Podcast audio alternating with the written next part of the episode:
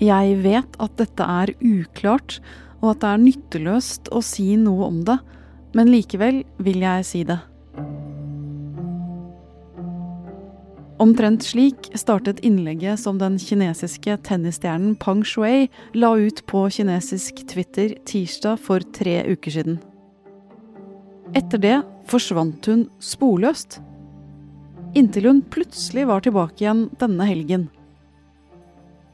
Eller er hun egentlig det? Nå krever internasjonale idrettstopper og politiske ledere svar på hva som faktisk skjer med Pang. Denne kinesiske metoo-historien om sex og makt mellom en 35 år gammel kvinne og hennes 40 år eldre elsker, kan fort få veldig mye større konsekvenser enn hva noen hadde sett for seg. Du hører på Forklart fra Aftenposten. Jeg heter Marte Spurkland. I dag er det tirsdag 23. november.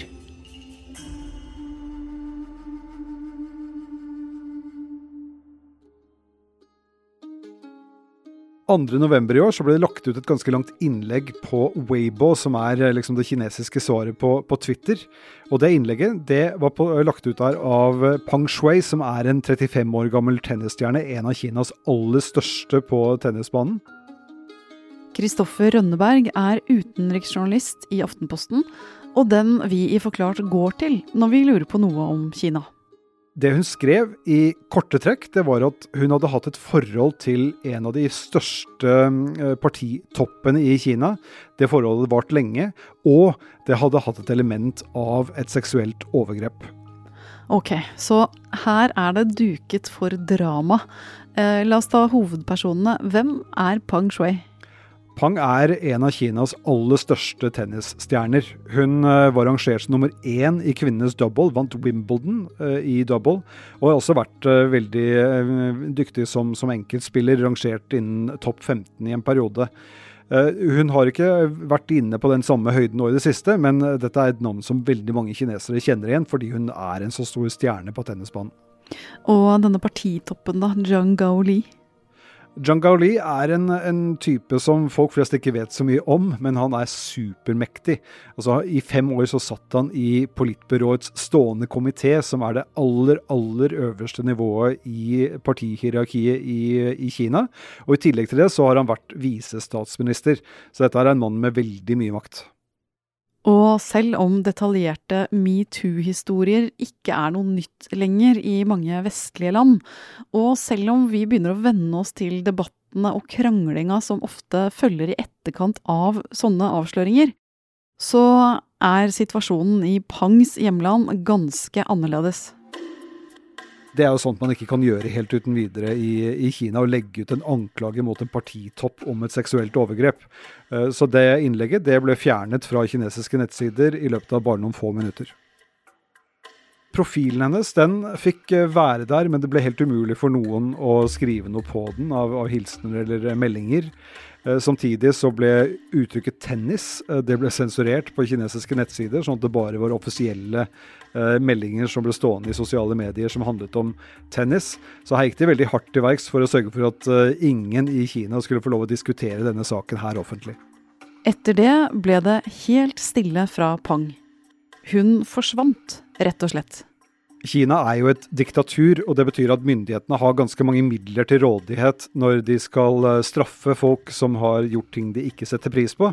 Vi vet at hvert år så er det tusenvis av mennesker som bare forsvinner i Kina og havner i såkalte svarte fengsler.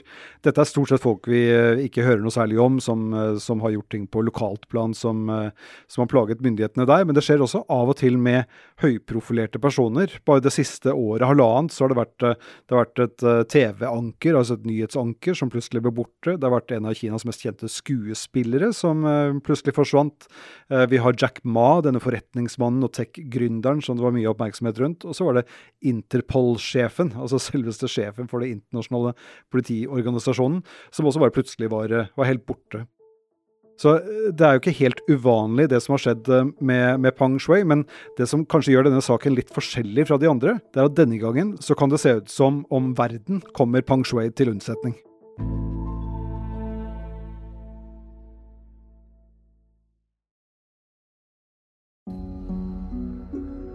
Kristoffer, hva vet vi om forholdet mellom tennisstjerna og visestatsministeren? Altså, når skal det hele ha startet? Nå har vi jo bare én versjon å forholde oss til, så vi må, vi må, ta det for det det er verdt. Det hun, altså hva Pang Shui har skrevet på, på, Weibo, eh, denne kinesiske nettsiden. Men det hun skriver, det var at eh, hun og denne toppolitikeren hadde et forhold for en lang tid tilbake, syv år siden. Og at det ikke gikk så veldig bra. Hun ble visst dumpet av ham. Og så møttes de igjen for tre år siden for å spille tennis. Og det er etter denne tennisspillingen at han skal ha presset henne til å ha sex. Og dette skriver hun ganske mye om i, i innlegget. At hun ikke ville, at hun begynte å gråte, og at hun ble sint på ham for at han presset henne til det. Men til slutt så ga hun etter, og så hadde hun sex med ham. Og etter dette igjen så skal de ha innledet forholdet på nytt, før han til slutt skal ha dumpet henne igjen nå ganske nylig. Og det var da hun skrev dette innlegget. Men så var det også en detalj som var litt pikant. Altså, kona hans var med på det? I innlegget hennes så sier hun at kona aksepterte det som skjedde, og at hun var til stede mens han presset henne. Og så igjen så får man ta det for det det er verdt, at dette her er ett partsinnlegg fra én person. Vi har ikke hørt fra Zhang eller kona hans. Og det er ingen som har bekreftet Pangs historie? Nei, og det, det, skriver hun også litt om i innlegget, at hun ikke har noen beviser for det. At hun fikk ikke lov til å ta bilder av ham og, eller dokumentere på noen annen måte hva som hadde skjedd. Så vi har ikke noe annet enn hennes ord å gå på. Men det vi vet, det er jo at uh, i Kina, som er det landet det er, der er det veldig veldig risikabelt å skrive noe som kritiserer eller utfordrer myndighetene. Så hvis det hun skrev ikke hadde vært sant, så hadde hun uh, i så fall utsatt seg selv for veldig stor risiko for, uh, for det som da hadde vært en løgn. Fra 2.11 gikk det over to uker uten et eneste livstegn fra Pang. Men 17.11 kom det en e-post. Sendt til sjefen for det internasjonale kvinnelige tennisforbundet, Steve Simon. Og avsenderen var den forsvunne tennisstjerna. I det brevet så sto det hei, det er Pang Shui. Jeg har det helt fint. Ikke tro på noe av det dere hører om meg. At hun er trygg, og at man ikke skal bekymre seg. Etter dette livstegnet kom Den internasjonale olympiske komiteen med en skriftlig uttalelse som sa at de nå var oppmuntret av forsikringene om at Pang var trygg.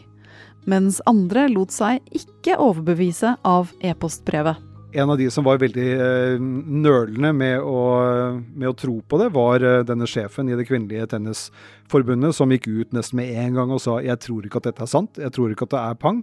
Hvis det er henne, så må hun i så fall stå fram og si det direkte. Dette holder ikke. Og det ser ut til å ha vært, uh, vært måten mange Kina-eksperter jeg også har lest i det siste, tolker dette brevet. At det slett ikke kommer fra henne, men at det kommer fra noen som later som det er henne.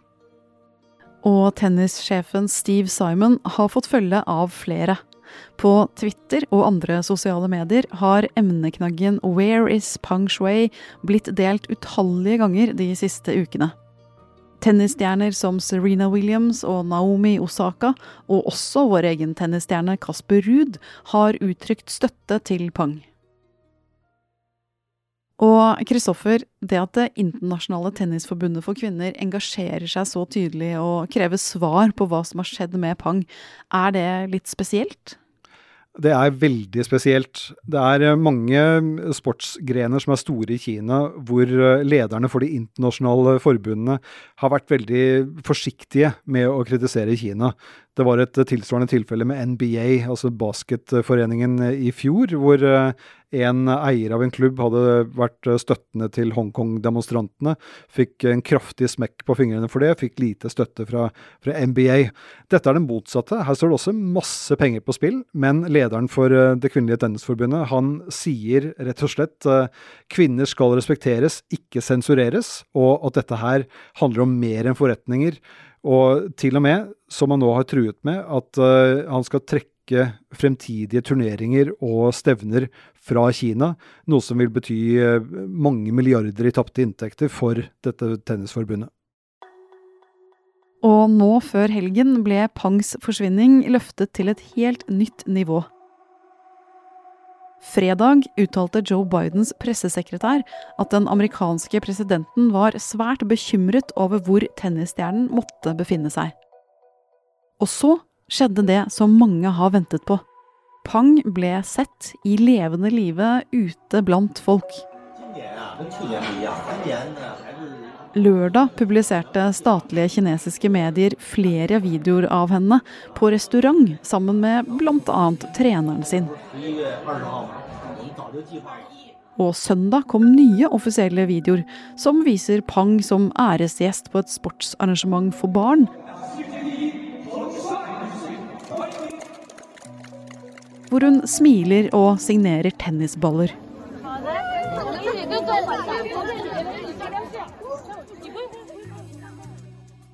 Men uh, det viktigste som har skjedd i helgen, er nok at hun har hatt en 30 minutter lang samtale med Thomas Bach i IOC, altså presidenten i Det internasjonale olympiske komiteen. Og, og både uh, brevet som vi hørte om, og denne samtalen med, med Bach, uh, det beroliger IOC. De sier at hun, hun ser avslappet ut og sier at dette er betryggende for dem. Men der ser det ut som om IOC nesten er alene om å vurdere videoen på den måten. Fordi både Simon i, i dette tennisforbundet og Kina-eksperter, menneskerettighetseksperter, sier at dette viser jo ikke at hun er i frihet. Det viser jo at hun er i live, men ikke så mye annet enn en det. Og Jeg snakket med eh, menneskerettighetsaktivisten Peter Dahlin, som selv eh, har vært eh, tatt til fange av kinesiske myndigheter og har måttet innrømme sin skyld på, på statlig TV, selv om han mente at han var uskyldig. Han sier at det er ikke noe tvil om at Pang er anholdt av myndighetene, og at disse videoene og denne samtalen med IOC bare er et spill for, for galleriet for å kunne si at, at hun har det bra. En annen som ikke lot seg overbevise av videoene fra kinesiske myndigheter, er Frankrikes utenriksminister Jean-Yves Le Drian. Søndag krevde han at Pang selv må få snakke offentlig og fortelle fritt hva som har skjedd med henne. Han sa også at hvis Kina ikke rydder opp i dette, så kan det få diplomatiske konsekvenser. Men så langt har ikke Kina vært veldig villig til å kommentere denne saken. Kinesiske myndigheter de sier at uh, dette er ikke en utenrikssak, og dessuten så kjenner jeg ikke til saken. Det var uh, det vi hørte fra, fra talsmannen i, uh, i, Utenriksdepartementet rett før helgen, som som regel er den eneste kontakten man har med kinesiske myndigheter i, i Beijing. Så de, de, har helt åpenbart valgt å, å legge et lokk på dette her, i hvert fall enn så lenge. Men Pangs sak skiller seg jo fra andre forsvinningssaker, nettopp fordi verden utenfor engasjerer seg. Hva skjer vanligvis med kinesere som forsvinner? Eh, vanligvis så dukker uh, folk opp igjen etter noen måneder. Ingen vet helt hvor de har vært. De kan ha vært i husarrest enten hos seg selv eller i, i sånne såkalte svarte fengsler som er drevet av, av myndighetene. Um, denne gangen så, så, har nok presset, dette store internasjonale presset fra forbund og utøvere og sånne ting, det har nok uh, sannsynligvis ført til at uh, myndighetene har, har uh, tenkt at de måtte gjøre noe, de måtte vise henne fram. Og dessuten, ganske snart, i februar 2022, skal verden samles til gigantisk idrettsfest i Beijing. Og selv om det er vinter-OL som skal arrangeres, som sånn sett har lite med tennis å gjøre, så er timingen dårlig for kinesiske myndigheter. USA og andre land de diskuterer nå om de skal gjennomføre en såkalt diplomatisk boikott av lekene. Altså at de bare skal sende utøvere og ikke representanter for stat og, myndigheter. Og alt dette som nå skjer rundt uh, Pang Shui, det, det, bidrar jo sannsynligvis til at eh, presset mot politikerne i eh, vestlige land øker for å ikke dra til Beijing når, eh, når OL starter i februar. Så denne saken her er ikke over nå, bare fordi Pang har vært på restaurant og dukket opp på et sportsarrangement? Nei, denne saken her er absolutt ikke over. Det er ingen tegn til at kinesiske myndigheter har tenkt til å starte en etterforskning, sånn som Hans Simon i Tennisforbundet krever. Eh, vi har heller ikke sett henne uttale seg direkte til uavhengige medier. Og så lenge det ikke skjer, så kommer presset til å øke fra det internasjonale samfunnet. Han Peter Dahlin, han svenske menneskerettsaktivisten, han, han sier at uh, dette er ikke slutten på denne saken. Det er rett og slett bare begynnelsen.